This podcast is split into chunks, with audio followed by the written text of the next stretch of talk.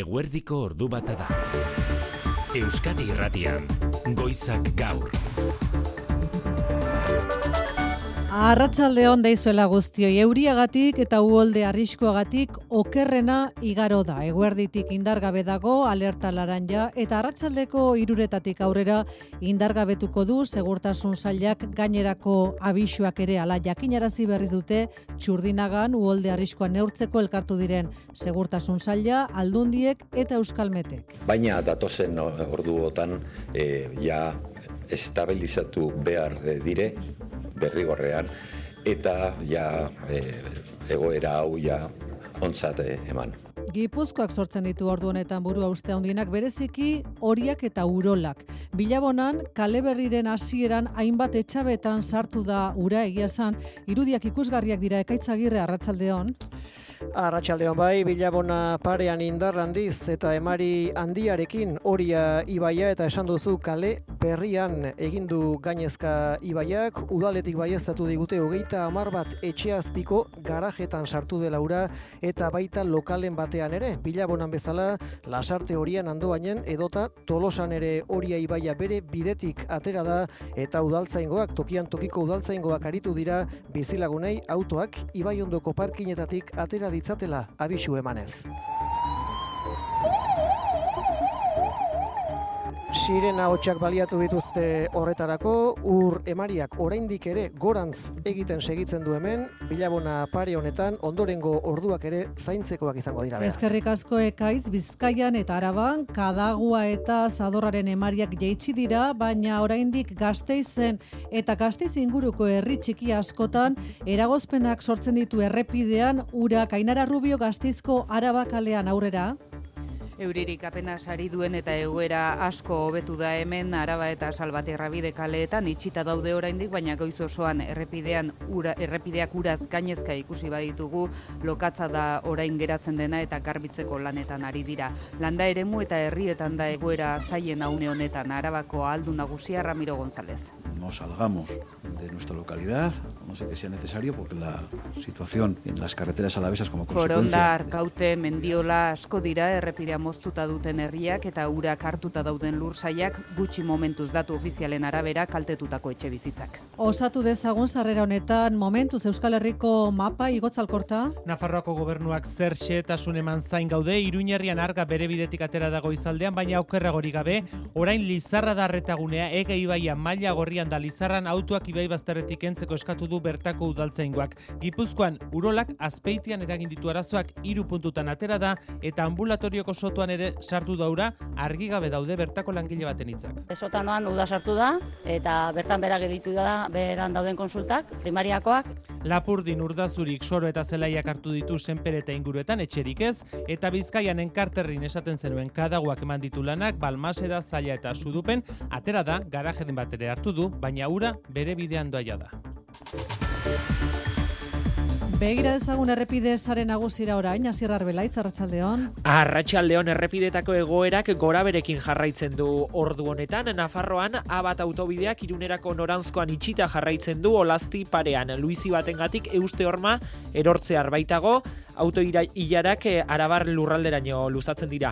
Araban elorriaga parean N eunda lau ere itxita dago ugoldengatik, Gipuzkoan N bat errepidea Idiazabalen Gasteizerako norantzkoan errail bat itxita dago bertan izan den Luisi batengatik, Zestoa eta Azpeitia lotzen dituen Gipuzkoa 6 hiru bat errepidea ugolden gatik guztiz itxita dago eta azkoitian errepide berean zumarra garantz errail bat itxita dago luizi baten gatik. Horrez gain, bigarren mailako errepide ugaritan daude arazoak urputzuen gatik gehienak, segurtasun zaiak arreta handi eskatu du errepidetan. Eta eguraldiari dagokionez eguzkina iturriotze euskalmet arratsaldeon. Arratsaldeon. Esan dugu okerrena itxuraz igaro dela, noiz atertuko ote duen badaukagu ordua esaterik ordunetan eguzkine? Ez, ordua esaterik ez, baina datozen orduetan euri gutxiago egingo du, mendebaldetik hasi eta ekialderantz atertzera egingo du, naiz eta kantauriko mendinguruetan batez ere gipuzko aldean euri egiten jarraitu. Ipar mendebaldeko aizea arratsaldeko lehen orduetan oraindik zakar ibiliko da, erabatan afarrako herriberan, baina arratsaldeak aurrera eginala aizeak ere baretzera egingo du. Ikusi dugu hainbat datu ez da, hogeita lau orduz alertalari laran jasarri zuen atzo segurtasun sailak eta erruz bota du, atzo eguerditik metro kuadroko eun litro baino gehiago toki askotan eguzkine. Hori da, e, gehiena e, Gipuzkoan e, bota du, adibidez beraztegin eunda irurogeita boz, e, litro metro kuadroko, eta Gipuzkoako beste hainbat lekutan ere ehun litroak gainditu egin dira. Ibai ederren azpeitian ehun da hogeita sortzi, ordizian ehun da mazazpi, behasain ere ehun gora, aitzu zumarragan ere ehun da amabost. Baina gainontzeko lekuetan ere euri dezente egin du, Adibidez, Bizkaian e, maksimoak otxandion larogeita amazazpi, Maiabian larogeita amar, Balmasedan larogeita lau, eta Nafarroan ere izugarria izan da goizuetan, ba, eunda larogeita bat, e, beran eunda berrogeita iru, lesakan eunda hogeita amabos, beraz, atzo amabitatik hasi eta gaur amabiak bitartean, ba, euri jasa handia bota du. Izugarria, eta esan behar duguna da, entzule lasaitasun mezu hori emateko, arratzaldeko iruretan aipatu du segurtasun mailak abisuak ere bertan bera utziko dituztela, beraz, arratsaldetik aurrera beste giro bat izango dugula eguzkini eskerrik asko. Bai, zuri ondo izan. Eguneko beste lerroburuetan inigo alustiza, arratsaldeo. Baita zuri ere maite. Abalos hauzian azkena. Badatozen minutuotan erantzungo diola bere alderdiari, abalosek berak alderdi sozialistari, alderdiak diputatuak tauzteko egin dion eskariaren arira aretoa erreserbatu du abalosek Espainiako Kongresoan agerraldi egiteko, baina ez ustekorik ezean badirudi ez duela pesoeren agindua beteko, eta beraz ez duela diputatu akta utziko bere aholkularioi koldo gartziaren hauzia tarteko. Lege biltzarreko hauteskundetarako botoa posta bidez eman duenak, badu jada horretarako eskaera egiteko aukera, eta bertako aktualitate politikoan izen propioa Marisol, Marisol Garmendia. Ba bai, Denis Itxaso Espainiako gobernuak gaur egun Euskadin duen ordezkaria izango baita Gipuzkoako sozialisten zerrenda buru, eta Itxasoren lekukoa arrotasunez hartuko duela esan berri du, kargura iritsiko den lehen emakumeak Marisol Garmendia Donostiako alkate orde eta zinegotzi sozialistak. Arro, sentitzen naiz lehenengo emakume delegatua izatearekin nik uste dut e, Pedro Sánchezen Espainiako gobernuak emakumearen alde, berdintasunaren alde egiten duen apustu zuzena dala nire aukeraketa. Eta Ukrainako gerrari lotuta Emmanuel Macron, Frantziako presidenteak atzo adirazitako asmoaren aurka, tinko mintzatu da Olaf Scholz, Alemaniako kantzilera. Europak edo NATOk ez dute bidaliko soldadurik Ukrainara. Keine Bodentruppen, keine Soldaten auf ukrainischem Aurrez beste lau estatuk ere ez ezko eman diote Macronen asmoari eta Errusiak ere erantzun dio presidente Frantziarrari Europak Ukrainara soldaduak bidelezkero horrek saiestezin egingo lukeela Errusiaren eta NATOren arteko gatazka. Jose Maria Paula Zarratxaldeo. maite. Giroak ez du asko laguntzen eguraldiari dagokionez, baina bestelako giroa izango da gaur realearenan. Bai, bere historian zortzigarren finala izango lukelako, realak gaur irabazi ezkero datorren apirilaren bateko hori. Horregoteko ordea jendeak badaki zer egin beharra daukan realak. Mallorcaren aurka partida irabazi beharra dauka. Eta adituen ustez realak erasoan bereziki goratasuna harrapatu beharko du bistakoa delako, gabezia bistakoa gol lehortea. Gaueko bederatzi territan hasiko da partida donostira. Eta kulturan, Maria Sunlanda idazleak Bilboko gutun zuria literatur jaialdiaren ohorezko saria jasoko du gaur manu etxe sortu. Bai, eta hain justu, aurreta gazte literaturan bideoparoa egina duen Maria Sunlandari saria emanez, abiatuko dute Bilboko gutun zuria letren nazioarteko jaialdia.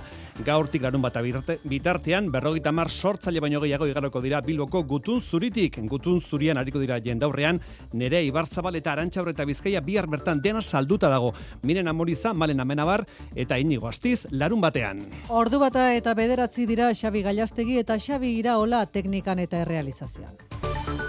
Euskadi Irratian. Goizak gaur.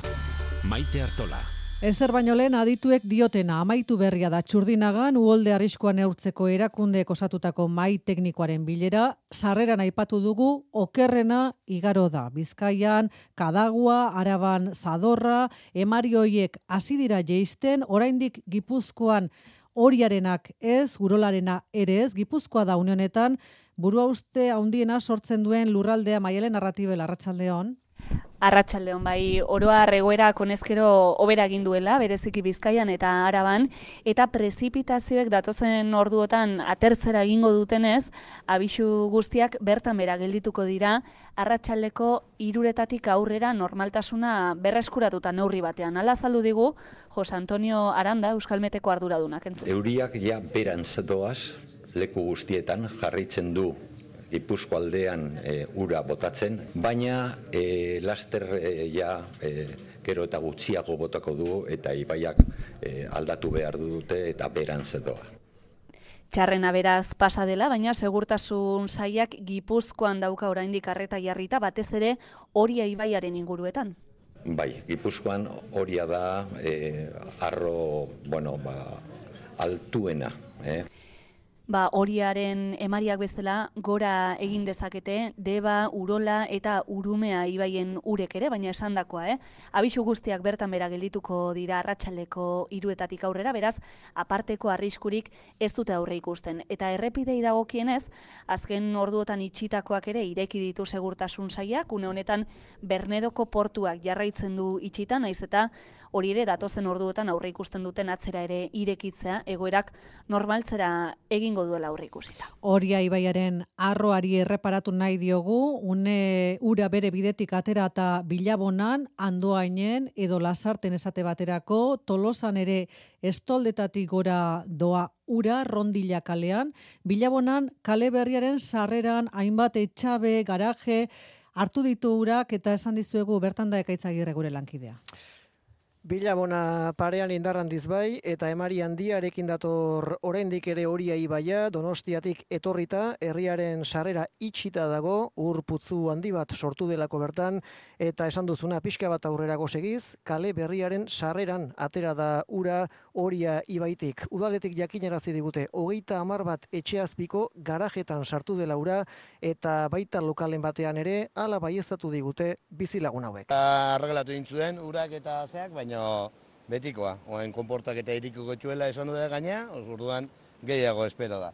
Oen marea baja dago, baino ez dakit, altua e, gora iten baldin badu, aber nola gelditzen den. Aurreneko garaji hau da guria. Bueno, sartu zaigu pixkat, bueno, bai, oza, marra hori zentimetro lako zaurat izango, baina horrezako problemik, kotxe eta dugu, eta bueno, e, metro bat aino sartzen balima, trastek eta gora jota dauzkagu, eta bueno, Urremariak bera egin zain dago bilabonako udala, garajeetatik ura pumpa bidez atera alizateko, baina oraindik emariak gora egiten jarraitzen du, eta ez dakite noiz izango den hori, arretaz jarraituko dituzte, beraz ondoren gorduak ere. Azpeitian azken urteotan ikusi gabeko egoeran dira, urolai baiak hiru bat lekutan egindu gainezka, hainbat garaje etxabetan sartu da ura, amulategia argiri gabe da, uneotan ura sotoan dutela iratibarren azpeitiko ambulategian, arratsaldeon. Arratxaldeon eta ura sartu izan ambulategiko zerbitzuan eragin zuzena izaten ari da. Eraikinan bertan ura bai, baina beko solairuan dagoen okulistaren txanda guztiak bertan bera utzi dituzte, biltegian ziren objektu guztiak bustita, eta urak argindarrik gabe utzi du igogaiua. Urola ibaiaren ertzean, zortzi metro eskasera dago ambulategia, eta suhiltzaiek ezin dute urik oraindik atera, errekaren maila oso altua delako, ambulategian ez ezik eragina baita ere, garaje eta errepidetan entzun Ander Larrainaga, zpeitiko zerbitzu orokorren zinegotzia. E, ambulato juku azken bine nola ibai ondun doan, ba, bera zartu eta hor baina arazu dake e, argindara harrapa dudula, eta ba, igo gailu gabiltz arazukin e, garajetan ez hartu da, baina bueno, garajetako azken finin bastante kontrolautu dola esango dugu. Argi gabe gelditu dira baita ere erdiguneko foru pasealeku kaleko etxe bizitza guztiak eta bizilagunak ezkatuta naiz eta askok aurre ikusi duten gertatu zitekeena. Goizeko lauretan e, jaiki naiz, eta baja naiz da bosban sentimetro ude zaun. Eta orduan erabaki bako txikatatzi. Ikusgarrian tamainan baita ere beldurgarria bihurtzen da. Atzo gabin bazpare eta gendun, bai. Eskerrak, ze oantxe naiz behitzea, eta ja bigarren goizkailera maia, oh, bada, oh, bai, ude hor. Urola ibai aparean dugu, indartxu, oso indartxu, orain denak zerura begira, noiz atertuko zai. Araban, gazteizego aldean, araba kalean estoldetatik gora egindu urak, arazoak eraginez, eunka lagunen martxan. Arazo handiak gazteiz inguruko kontzeju eta herri txikietan zadorra edo haren ibaiadarrek gainezka egin baitute. Egoerak hala ere hobera egin du. Azken ordu hauetan araba kalean ainara rubio arratsaldean Arratxaldeon ez dirudi luze joko dutenik hemen araba eta salbate errebide kaleek itxita lokatza garbitzeko lanetan ari dira une honetan. Etor, estolerietako arazo baten ondorio zeragozpen handiak sortu dira dena den goiz osoan, urez gainezka egonda errepidea, garraio publikoan goraberak sortuz eta inguruko ikastetxe eta institutuetara sarrera ezinezko eginez. Bai, klasea jateko zai, ez dakigu ezer, dena inundatuta, eta ez dakigu ezer, ez dakigu. E, probatuko dugu pasatzen edo etxera joango beharko gara. Pasatzeko Hemen ez ezik, goiz osoan, zadorra ibaian egonda arreta gunea inaki gurtu bai segurtasun zinegotzia. oso oso oso altu da, dator errekak, kasunetan zador errekak, eta egia esan kontu handi zibili beharko gara zaintzen bere goera goizean zehar, eta zubi, batzuetan, ba, egia esan nahiko, nahiko larri ibiliko gara. Abetsukon edo gamarran gainezka egin du, baina batez ere herri txiki eta landa ere muetan dago arazoa orain arkaiate, arkaute, foronda, tresponde asko dira, errepideak moztuta dituzten herriak, lursail asko hartu ditu urak, baina datu ofizialen arabera gutxi dira kaltetutako etxe bizitzak. Uribarri ganboako urtegiaren maila euneko larogoitik gorakoa da, baina momentuz ez dago uateak zabaltzeko aurre ikuspenik gaur. Goizaldean egoera estunetakoa bizkaian izan da, enkarterrien, baina egunak argitu bezala giroa lasaitu eginda oiko guneetan atera da balmasedan, sudupen edo zailan, garajeren batera ere iritsi da, baina ura bere bidera itzuli da, janire gerena barrena balmasedan, arratsaldeon. Arratsaldeon Balmasedan kadagoa ibaiari begirik kendu gabe pasa dituzte azken or- ordua, kondar sakuak jarri dituzten arren, ohiko hiru puntuetan gainezka egin du ibaiak herri sarrerako aparkalekuan, kiroldegi inguruan eta Madalena auzoan. Ordu honetan hala ere egoera kontrolpean dago eta apenas sortu da kalterik hala adierazi digu Alfonso San Vicente alkateak. Eh, locales y garajes que sí que ha entrado agua, pero ya os digo que más o menos son puntos muy concretos donde los tenemos eh, localizados. Euria handiekin egoera errepikatu baino ez dela egiten diote hemen herritarrek eta neurriak eskatzen dituzten. Etxekoak ba jartzen sakuak ura ez hartzeko. Bai, bai, ni gordesola nire auzoan beti ateratzen da, beti, beti, beti, beti. Nire ustez e, garbitu gara zuten pizka bat gehiago, errekak, ba hori, ez ateratzeko. Ze askotan egiten dituzte, ba hori, e, dauden e, ar- harriak, e, arbolak eta hori egiten dute presa, eta horrezagatik ateratzen da. Balmasedan ez ezik, Bizkaian, Gordexola, Güeñez, Zaila eta Sudupen ere errekek gainezka egin dute eta zenbait garajetan ura sartu da. Alonsotegin gau oso argindarrik gabe egon ostean, herri osoan berreskuratu dute jada argia. Iruñan eta Iruña herrian goizeko bederatzi terdietako buelta hori izan da egoerari komplikatuena, baina argaren emaria jeisten ari denarekin batera. Okerrena, igaro dela esan liteke patxi irigoien Iruña arratsaldeon. Arratsaldeon eta beste batzuen artean arrotxape auzoa urak erasan du uholdeak direnean, hala ere une honetan, bertat hemendik O plazatik ikusten dugunaren arabera ibaitik gertuen dauden etxe bizitzak urrunditu ibaiak eta arga bere bidetik zertxo baita atera bada ere, runako parke hartuz gero erraterako, aparteko arriskurik ez dago. Goizeko bederatzi terdia galdera, irureun eta hogeita mairu metro kubiko eraman ditu argak eta alderaketa bat egiten hasita 2008 bateko uholdekin alderatuta apalagoa izan da. Orduan bosteun eta hogeita mar izan ziren. Dena dela adi jarraituko dutela adierazi du Iruñeko udalak. Joseba Siron alkatea. Eta beraz em, jarraituko dugu begiratzen eta vigilatzen zenolako bilakaerak e, zenolako bilakaera daraman e, ibaiak eta eta prezipitazioek eta horren arabera ba, bueno, ba, neurriak hartutako neurriak baloratu edo edo edo bueno, jarraitu ala anulatu egingo dira. Une honetan batez ere Magdalena auzoan daude begiradak jarrita, era berean udaltzaingoaren ohartarazpenei adi egoteko dei egin du alkateak. Ba, Iruña herrian egoera okerrena igarota, orain Nafarrako gobernua hegoaldera begira dago, Ebron zer gertatuko, Eli Eraso, arratsaldeon? Arratsaldeon bai, izan ere okerrena pasada maite, hala esan berri du Amparo López, barne konsellariak, arga ultzama eta urumea ibaiek ezoiko emaria hartu dute, eta babesgo zibilak igo du uolden kontrako alerta, lehenengo mailaraino, baina zuhurtziagatik izan dela, azaldu berri du konsellariak, eta lasaitasun mezua igorri die herritarrei.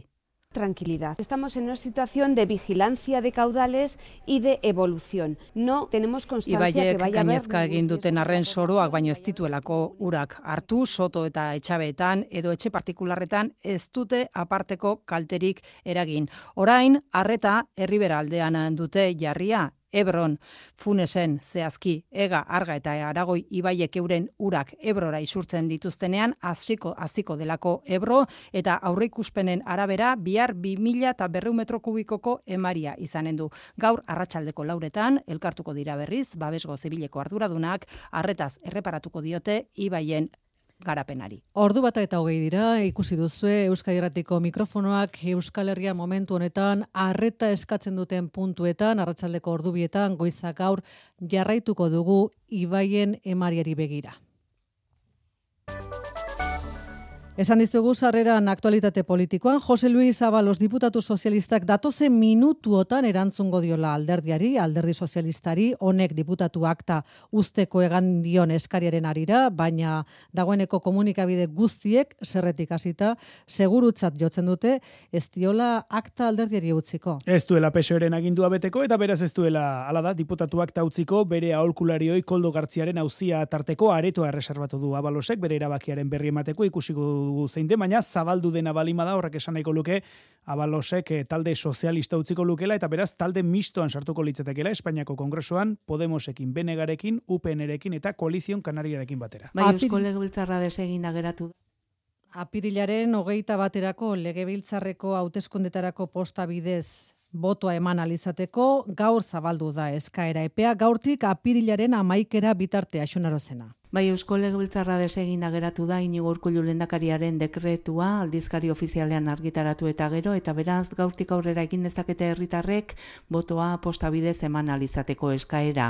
Gaur hasita aprilaren 11 arte egongo da horretarako epea zabalik, telematikoki egin daiteke eskaera Korreoseko web orrialdean bertan edo Korreoseko bulego guztietan bertaratuta azken kasu honetan norberak pertsonalki egin beharko du eta bere nortasuna egiaztatu nortasun agiria aurkeztuta. Tramiteak arindu eta itxaronaldiak ekiditeko nola nahi ere korreosek eskaintzen du aurretik itzordua hartzeko aukera. Gero behin eskaera guztiak jasotakoan jarritako helbidera iritsiko zaie herritarrei dokumentazio guztia apirilaren batetik aurrera izango da hori eta hortik apirilaren amazazpir arte izango dute posta bidez botoa emateko aukera. Marisol Garmendia gaur egun Donostiako alkate ordea izango da Espainiako gobernuaren Euskadirako urrengo ordezkaria Denis Itxasoren ordez. Itxaso Gipuzkoako peseren zerrenda buru izango baita apirilaren hogeita bateko hauteskundei begira. Aurrenekoz, emakume bat Espainiako gobernuaren Euskadiko ordezkaritzaren buru eta horregatik Marisol Garmendia bera arro mintzatu da mertzetxe berri arratsaldeon. Arratsaldeon bai, ilusioz eta arroa azaldu da Marisol Carmendia, Espainiako gobernu ordezkari kargua hartzen duen lehen emakumea izango baita. Pedro Sánchezen konfidantza eskertuta tenis itxasok egindako, orain arte egindako lanari, jarraipena emateko asmoa azaldu du Marisol Garmendiak. Nire asmoa hildo beretik jarraitzea da. Espainiako gobernuak Euskadiko herritarrekiko ongizatearen eta progreso ekonomiko eta sozialaren alde egiten duen kudeak eta garrantzitsua bultzatuz eta nabarmenduz. Erakundeen arteko harremanak eta eta lankidetzaren bitartez landu nahi ditu Marisol Garmendia gainerako erakundekiko hartu emanak. Bereziki nabarmendu du Jaurlaritzaren eta Espainiako gobernuaren artekoak. Donostiari dagokionez Loiolako kuartelak Loiola bertako garraio lotunea eta abiadura handiko trenaren egitasmoa bultzatuko dituela hitz eman du. Izendapena justu noiz gauzatuko den ez daki oraindik Marisol Garmendiak, bada Donostiako alkateak eneko goiak ibilbide oparoa opadio, hemendik aurrerako bidean Garmendiari, Donostiari dagozkion gaietan solaskidetza egokia espero du hemendik aurrera goiak. Udadetxeak dituen hainbat gaietan, ba, sodazkidetza egokia mantentzea, eta alde horretatik, ba, seguro nago horreda izango dela, ez? E, ez nahi sartuko estatuko dedegatua e, egotea edo ez egotea gustatzen zaigun, baino jake dagon, ba, nahiago dut, peintzat, donostiako arazoak ondo ezagutzen dituen persona bat izatea arduraduna. Marisol Garmendiaren eskutik jeltzale eta sozialistek udal gobernuan izandako lankidetzaz valorazio baikorra egin du goia alkateak. PSOEK EH Bildurekin adostutako etxe bizitza legeari jaurlaritzak, jaurlaritzaren adar jeltzaleak elegitea jarri izanak, aurrez aurre jarri ditu EAJ eta alderdi sozialista, baina gaur bereziki EH Bilduren aurkako hitz gogorrak izan ditu Maria Eugenia Arrizabalaga legebiltzarkide jeltzaleak urtzi gartzi arratsaldeon. Arratsaldeon ba, estatuaren eskumenekoa den hiri alokairuen legean aldaketa batzuk egita nahikoa zen alokairuen presioa mugatzeko, ala ere beste erkidego batzuek etxe bizitza legeren aurka jarritako legitek konstituzio uzitegian bukatuko zutela argudiatuta, Pedro Sánchezen gobernuak ez duela akordiorik nahi izan adirazidu Mario Eugenia Arrizabalaga legebiltzarkide jeltzaleak eta beraz jaurraritzak elegitea jarri beste aukerarik ez duela izan, bere esanetan nabarmena delako eskumen urraketa. Hortik aurrera, EH Bilduren aurka gogor jodu. Batetik, ERSek, BNGak eta KUPek legearen aurka bozkatu, zalantzak azaldu edota, generalitatearen bitartez elegitea jarri izanak erakusten duelako, ez dela eskerre eskuin ardatzean kokatzen den kontu ideologikoa. Bestetik legea dagoenean bere helburen kontrako efektua izan duelako, hau da, alokairu gutxiago eta garestiago. Eta hirugarrenik EH Bilduk jarrera erabat zentralista erakutsi omen duelako. Zer sor ote dion EH Bilduk Espainiako alderdi sozialistari horrelako utzikeria egiteko. Non geratu da EH Bildurentzat Euskal Herriaren defensa subjektu politiko modura. Elegiteak jaurlaritzako kide dituen sozialistekin eraginduen talkaz galdetuta Rizabalagak ez du adirazpenik egin izan eta pesetik ere urak baretu nahi izan ditu eneko handu zeidazkari nagusiak Euskal Telebistan bagenekien zer nolako postura sekan 2000 eta amabostean Euskal Legea unartu intzenean eta bagenekien zer nolako jarrera zuen Espainiako legearen inguruan, beraz, deno daki non gauden, eta beraz hori mhm. ez du inungo arazorik eh, sortzen. Hori bai, aitortu egin duan ezak bien arteko adostasunik gabe elegita aurkeztu izanak eragusten duela sozialistekiko jeltzalik duten konfidantza eza. Nafarroako gobernuak garatu duen eskola ezkidetza programa berriz ere auzitan da, Nafarroako lurralde auzitegi nagusiak bigarrenez bertan bera utzi du programa hau tramitazio akatsak argudiatuta edukian sartu gabe. Guraso talde batek eskola e programaren aurka jarritako elegitea dago erabaki horren oinarrian ikusteko 2008an egin zuen bezala Nafarroako gobernuak gero elegitea jarriko ote dion Marijo de Gracias Arratsaldeon. Arratsaldeon bai izan ere epailen ustez derrigorrezko hainbat txosten faltabitu hezkuntza departamentuaren aginduak ez du zehazten arauaren egokitasuna eta generoagatik izan dezakeen inpaktua ere ez, ez da gastu gehigarrerik eragiten ote duen. Eta horregatik gauzi garrantzitsua dela dio jakitea legeak ezartzen duen prozedura ezten bete edo legearen kontra egiten duen. Bigarren aldia da, auzitegiak bertan bera lagatzen duela eskola eskidetza afektibo sexuala lantzeko programa, orain ere itunpeko ikastetxe erligioso bateko hogeita mar gurasok e, jarri dute elegitea, argudiatuz ideologia bat inposatu nahi duela eta balio kristauen kontra jotzen duela. Epaia ez da horretan sartzen, ez du baloraziorik egiten, ea beharrezkoak diren gizarte parekideago batera bidean edo indarkeria sexisten aurkako kontzientziazioan lanean eskola moduko programak, baina atzera bota du forma akatsagatik.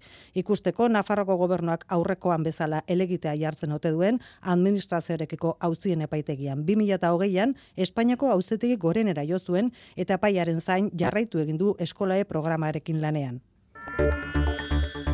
Eta nazioartean Errusiak ez du denborari galdu, Bart Ukrainako aliatuek Parisen egin duten azken planteamentuari erantzuteko. Emmanuel Macron presidentea buru, hogei estatu eta gobernu buru bildu ziren atzo Parisen, eta Ukrainara Europako soldaduak bidaltzeko aukera zitzegin zuen lehenbiziko aldiz Macronek hipotesi gisa. Il n'y a pas de consensus aujourd'hui pour envoyer de manière officielle... Oraingo ez dagoela kontsentsurik, baina etorkizunera begira ezin dela aukera hori baztertu. Kremlinaren erantzuna ezinbestekoa izango da NATOrekin aurrez aurreko gatazka aliatuek Ukrainako lurretara soldaduak bidaltzen badituzte landerra izagirre arratsaldeon. Arratsaldeon bai Mendebaldeak Ukrainako gerrara soldaduak bidaltzea elementu berri bat litzateke ekuazioan eta Moskurentzat horrek saiestezin egingo luke NATO eta Errusiaren arteko gatazka Dimitri Peskov gobernu bozera malea В этом случае уже нужно говорить не о вероятности, а о неизбежности.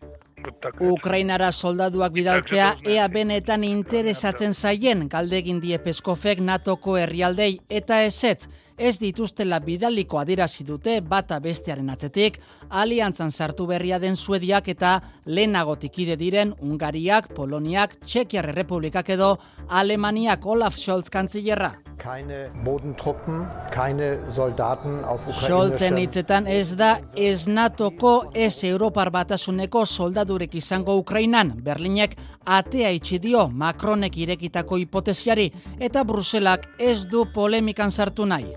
It's a decision of the member states. There is no decision at the Erabakia estatukide bakoitzarena litzatekela adirazi baitu Peter Estano atzerri gaietako bozera